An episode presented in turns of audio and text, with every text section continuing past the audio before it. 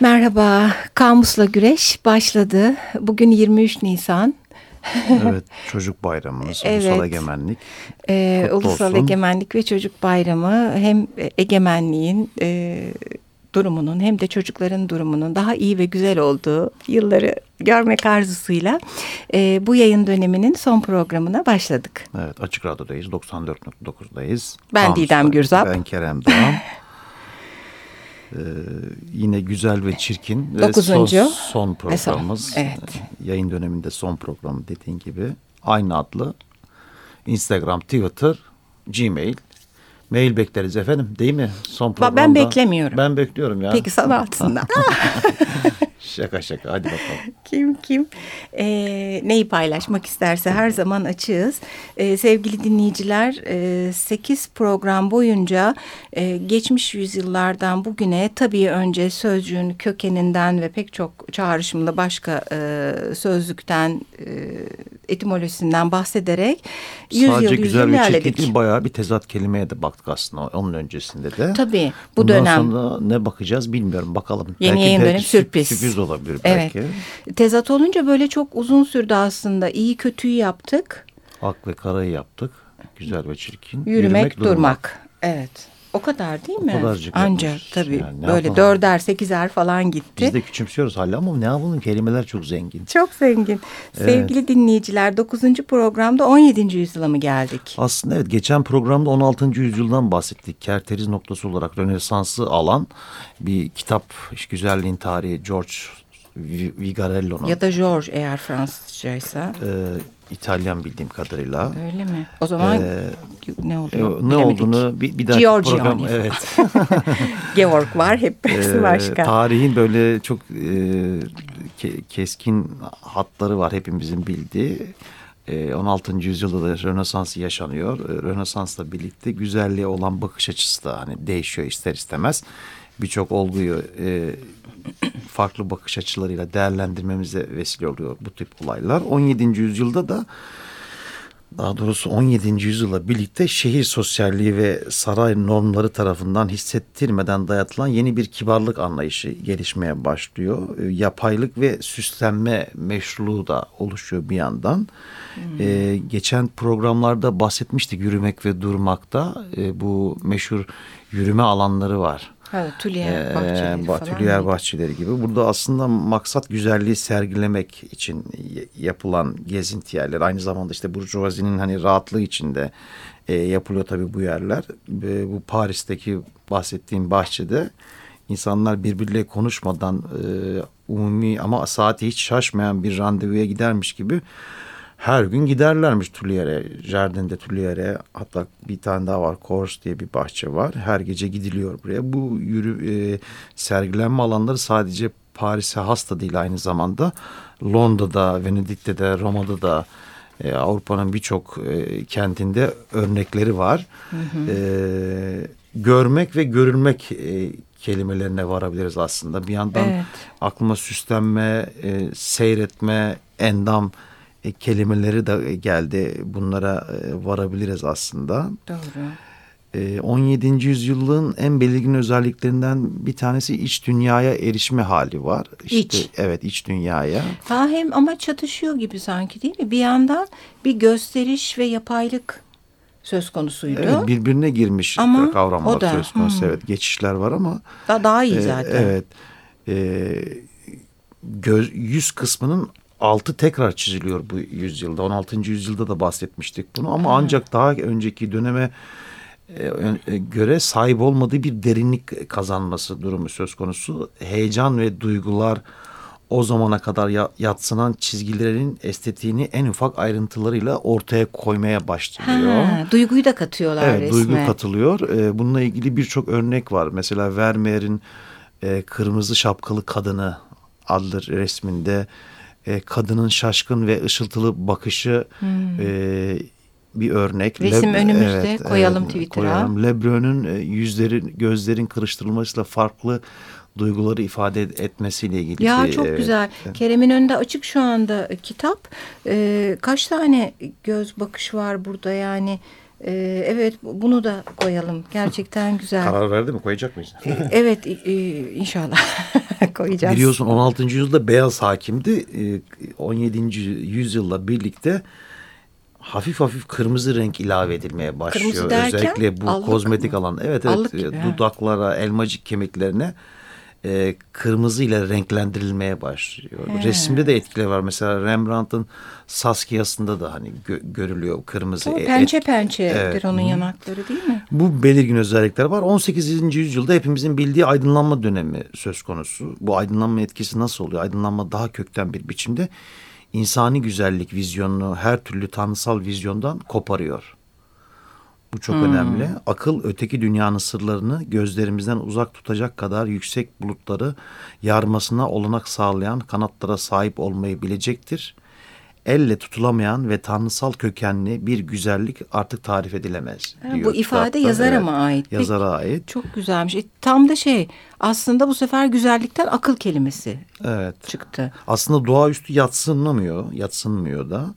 Ama gerçekçilik kendini hayli dayatmaya başlıyor. Ee, Bu kadar akılcılık demişken bir Jean-Jacques Rousseau de bakayım canım. Deyim benim. mi? De bakalım. Deyim. Ee, ben gene e, Eko'ya sadık olarak Eko'dan bir alıntı yapıyorum. Güzelliğin tarihinden. E, eylem olarak güzellik diye bir başlık altında e, Rousseau'dan bir e, alıntı var. Bana göre iyilik demiş Jean-Jacques Rousseau, güzellikle birdir. Aralarında ortaklık vardır. Doğadaki kaynakları aynıdır. Bu düşünceden hareketle zevkin bilgelikle aynı araçları kullanarak mükemmelleştiğini söyleyebiliriz ve erdemin baştan çıkarıcılığına, çıkarıcılığına kapılanların e, pardon e, kapılarını aralamış bir ruh her çeşit güzelliğe de aynı şekilde duyarlı olmalıdır demiş. Burada erdem, iyilik, güzellikle yan yana duruyor. Ee, biz görmek ve hissetmek üzere eğitildik. Güzel bir manzaranın hassas bir histen farkı yoktur. Güzel bir resme sahip bir ressam esrikleşebilir. Yani kendinden geçebilir, sarhoşlaşabilir. Ancak bunu elinde bulunduran, zevkleri yontulmamış biri bu güzelliğin farkına bile varmayabilir. Yani güzelliğin farkına varmak da bir bilgi, bilgelik, erdem e, demek oluyor. Algılayabildiğimiz her şeyi duyularımıza borçluyuz ve bu hiç de mantıklı değil. Bunlardan sadece kişinin sahip olduğu zevkle değerlendirilebilenler kendini bize sürekli görünür kılarlar diye devam etmiş. E, Biraz güzellikten e, uzaklaşıyor sonrasında sonuçta e, derinlemesine incelenmesi gereken bir şey olarak güzelliği gördüğünü söyleyerek bitirmiş yazıyı. Burada bir iyilik kelimesini öne çıkartıp sana gene atıyorum topu. Bana atarken topu aslında 18. yüzyılda devam ettiğim 18. Evet, yüzyılda bende de var daha. e, işte duygu dolu güzel, duygunun da hakimiyeti söz konusu. Duygunun nüansları, duygu yelpazesi, güzellik gamına ekleniyor. Aynı zamanda bireyselleşen bir güzellik anlayışı var. Her yüzün birbirinden farklı olduğuna söyleyen bir e, Lavater diye bir biri var. Öznellik güzelliğin kurallar arasına giriyor aynı zamanda. Zaten öyle değil mi? Ama hani değil mi yüzyıllar içinde? daha şey, belirginleşiyor, evet. altı çiziliyor. E, Voltaire'in burada ilginç bir saptaması var. E, bir görecelik e, de var. Hani güzellikle ilgili güzellik tariflenirken ortaya e, belirsizlik daha doğrusu ortaya çık- çıkabilir. Voltaire'in e, e, tanımında bir kurbağaya güzelliğin ne olduğunu soran e, size küçük kafasından çıkan kocaman iki yuvarlak göz, uzun ve yayvan bir ağız, sarı bir karın, kahverengi bir sırtı olan kendi yavru kurbağası olduğu söyle Ha, söyleyecek. kurbağaya soruyorlar. Evet. Güzel. Ya biz buna çok benzer bir şey konuşmuştuk değil mi Kerem? Ama o, o da kurbağa değildi. Ee, yani aslında gene görecelilikten yola çıkarak her e, tür kendi e, gücü uyarınca kendi tarihini ve doğrularını bir şekilde yaratıyor ya aslında bir e, ya insan oluyor bu e, çok uzun zamandan beri E, ama başka bir hayvan e, türüne sorulduğunda e, nedir işte şimdi kurbağa yerine at olsa atın tanımını yapacağız ya da işte ayının tanımını yapacağız çok tanıdık geldi birden evet Sende felsefeciler vardı. 18. yüzyılın belirgin, Var. belirgin noktaları o. David Bunlar- Hume var bende. Ee, o da zevk standartı üzerine e, adı altında 1745'te yazdığı yazıda şöyle bir tanımlama yapmış. Güzelliği uygulamak onu anlatmaktan daha avantajlıdır. Çünkü önemli bir iş için bir yargıya varana kadar her bireysel girişim tarafımızdan dikkatle incelenir. Farklı açılardan ihtiyatla tetkik edilir. Aklı karıştıran gerçek güzellik duygusunu değerlendiren düşüncede telaş ya da çırpınış vardır. Hmm. Uzuvlar arası ilişkilerin ayırdına varılmamıştır. Hı hı. Tarzı ortaya çıkaran özellikler belirgin değildir muhtelif kusursuzluklar ve kusurlar bir tür kargaşayla sarılmıştır ve kendilerini hayal gücünün ellerine bırakırlar. Yani böyle kendinden geçerek ve adlandırmadan, sınıflandırmadan bir şeyi güzel bulmak neredeyse çok ani, vurucu, e, altı doldurulmamış bir şey gibi tanımlıyor. Bilindiği gibi öyle bir güzellik türü vardır ki gösterişli ve yüzeyseldir başta zevk verse de herhangi bir mantıklı ya da tutkulu ifadeyle anlatılamaz. Hmm. Kısa süre sonra zevk vermez olur, küçümsenerek reddedilir ya da en azından daha düşük bir seviyede değerlendirilir. Doğru böyle çok şey var. Güzelliğin herhangi bir biçimi düşünülürken sürekli değerlendirmeler yapılır. Mükemmellik derecelerine göre farklı türler karşılaştırılır ve oranları tahmin edilir. Güzelliğin farklı türlerini inceleme fırsatı bulamamış kişi kendisine sunulan herhangi bir özne hakkında fikir yürütmede başarısız olacaktır. Hmm. Yani elde bir takım kıstaslar, farklı güzellik anlayışları, bir bilgi hı hı. olacak ve öyle gidecek yaklaşımı. Yalnızca karşılaştırma yapmak bile yüceltme ya da kusurlu bulma kriterlerini belirler ve her ikisinin de hangi ölçüler arasında geçerli olacağını yerleştirici bir etkisi vardır demiş. Artık parçaya evet, girelim. geçelim. Çünkü James yoldan... Blunt'tan gelecek You Are Beautiful.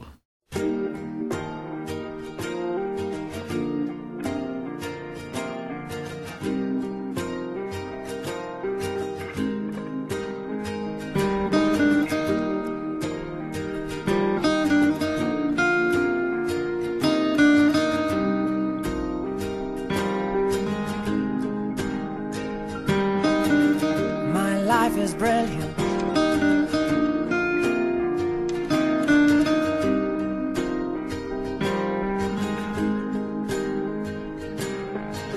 My life is brilliant. My love is pure. I saw an angel. Of Adam Shaw. She smiled at me on the subway. She was with another man. but I won't lose sleep on that, cause I've got a plan. You're beautiful, you're beautiful, you're beautiful, it's true. I saw your face in a crowded place,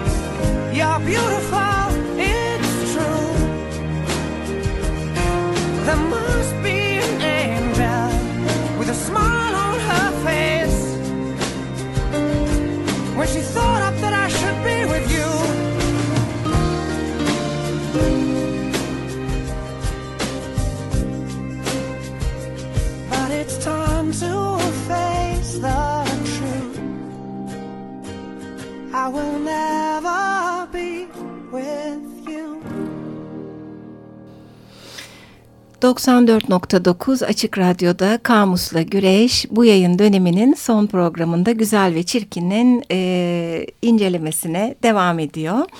E, David Hume'dan bahsettik 18. yüzyıl e, biraz daha devam Hume'a edelim. edelim.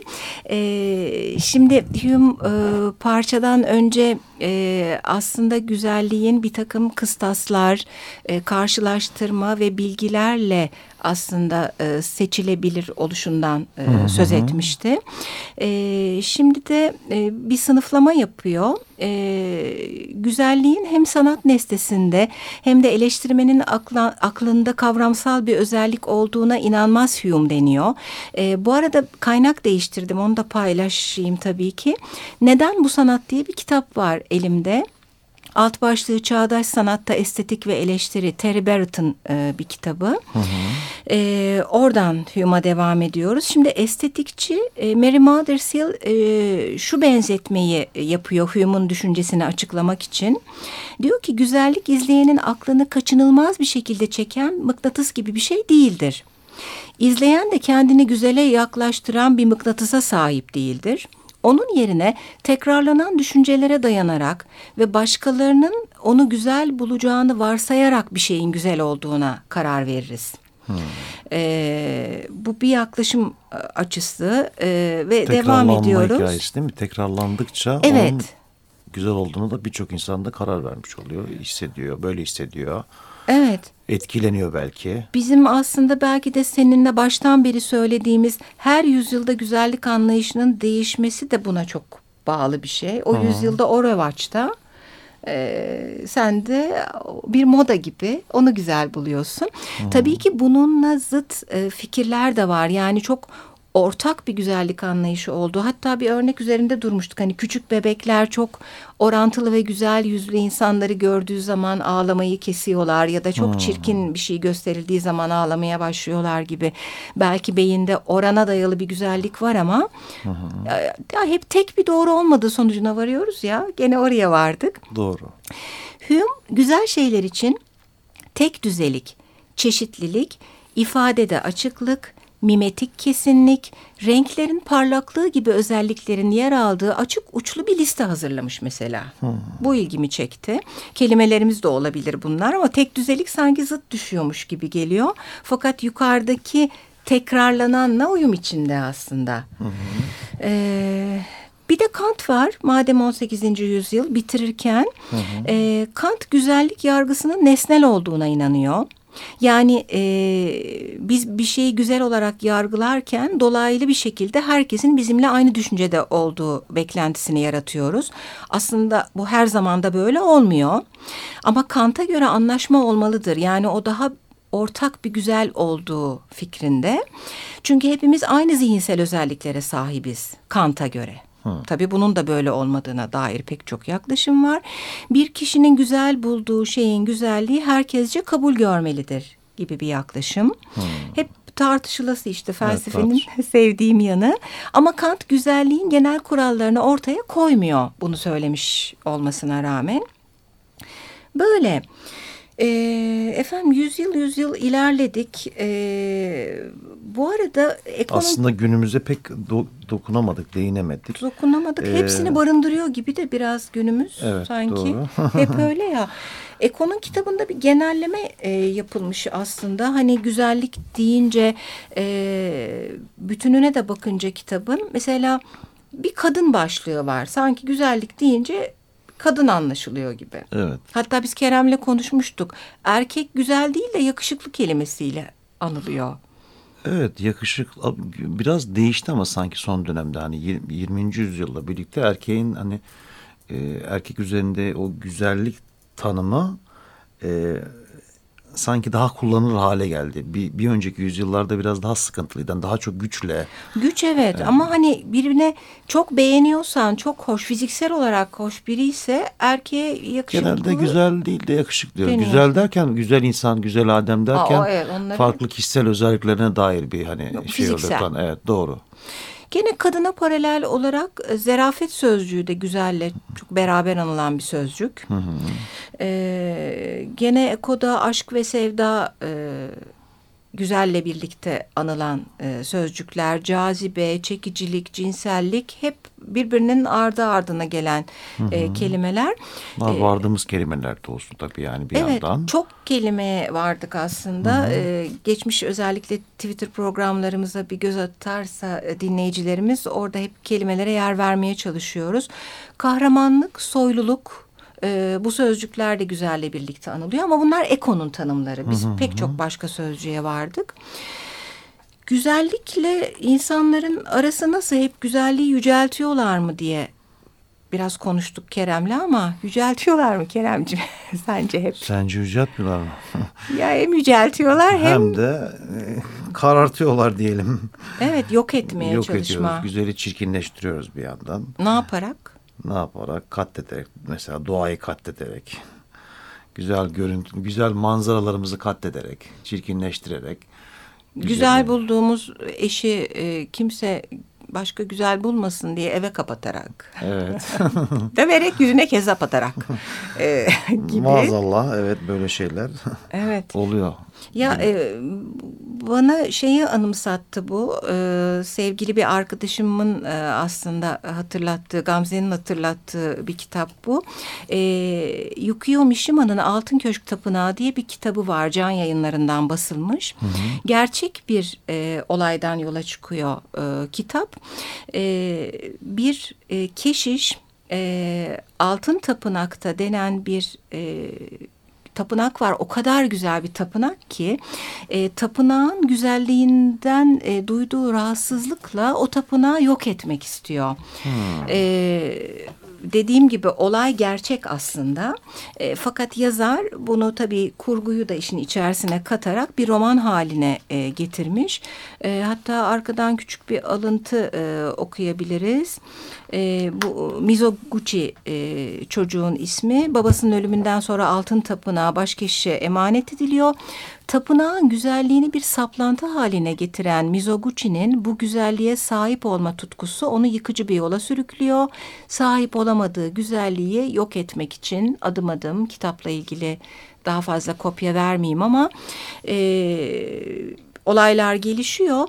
Biz de Kerem'le Bizdeki aslında... ikinci sayfa haberleri gibi biraz da bir yandan baktığın zaman. Evet Maalesef. yani e, yer, hayvan, doğa, insan, sevilen kişi, çiçek, bina, mimaride de bahsetmiştik bundan. Hmm, evet. e, güzellik yok edilerek e, bir ya çirkin bir şeye dönüştürülerek veyahut da e, yani sadece yüceltilen bir şey olmaya da biliyor. Evet doğru diyorsun. Efendim kamusla güreş bu yayın döneminde bitiyor. Bitiyor. Güzele çirkine e, hayli e, derin bir bakış açısı dokuz program. dokuz programda geliştirmeye çalıştık nacizane. Bu şey ee, oldu aslında geçti hepsini. İyi kötü sekizdi galiba. Evet geç, geçti. Rekor. Hakikaten, evet. Rekoru da kırmış olduk. Sevgili dinleyiciler. Bütün rekorları alt üst eden program Kamusla Güreş bitiyor. Hepinize güzel güzel. Günler çok, haftalar ya, diliyoruz. Niye Kamusla Güreştiğimizi de bilmeyen dinleyicimiz varsa. E, bir açıkla efendim. Biterken Aç... bir son söyleyelim. Söyle bakalım canım. İnşallah yeni yayın döneminde de e, karşılaşırız ama. E, Kamusla Güreş olmaz diye eski bir söz var sevgili dinleyiciler. Yani sözlükle güreş olmaz anlamına geliyor. E, sözcüklerin bir anlamı vardır. E, yeni sözlük, sözcükler, anlamlar uydurmayınız, sözlüğe bakınız diyor ama biz sözlüğe bakmakla iktifa etmeyip e, sevgili Kerem Doğan'la sürekli güreşerek yeni yeni anlamlara vardığımız için ee, Adı o yüzden Kamusla Güreş. Evet. Hepinize teşekkürler diyelim. Hoşçakalın. İyi günler. İyi haftalar. İyi haftalar.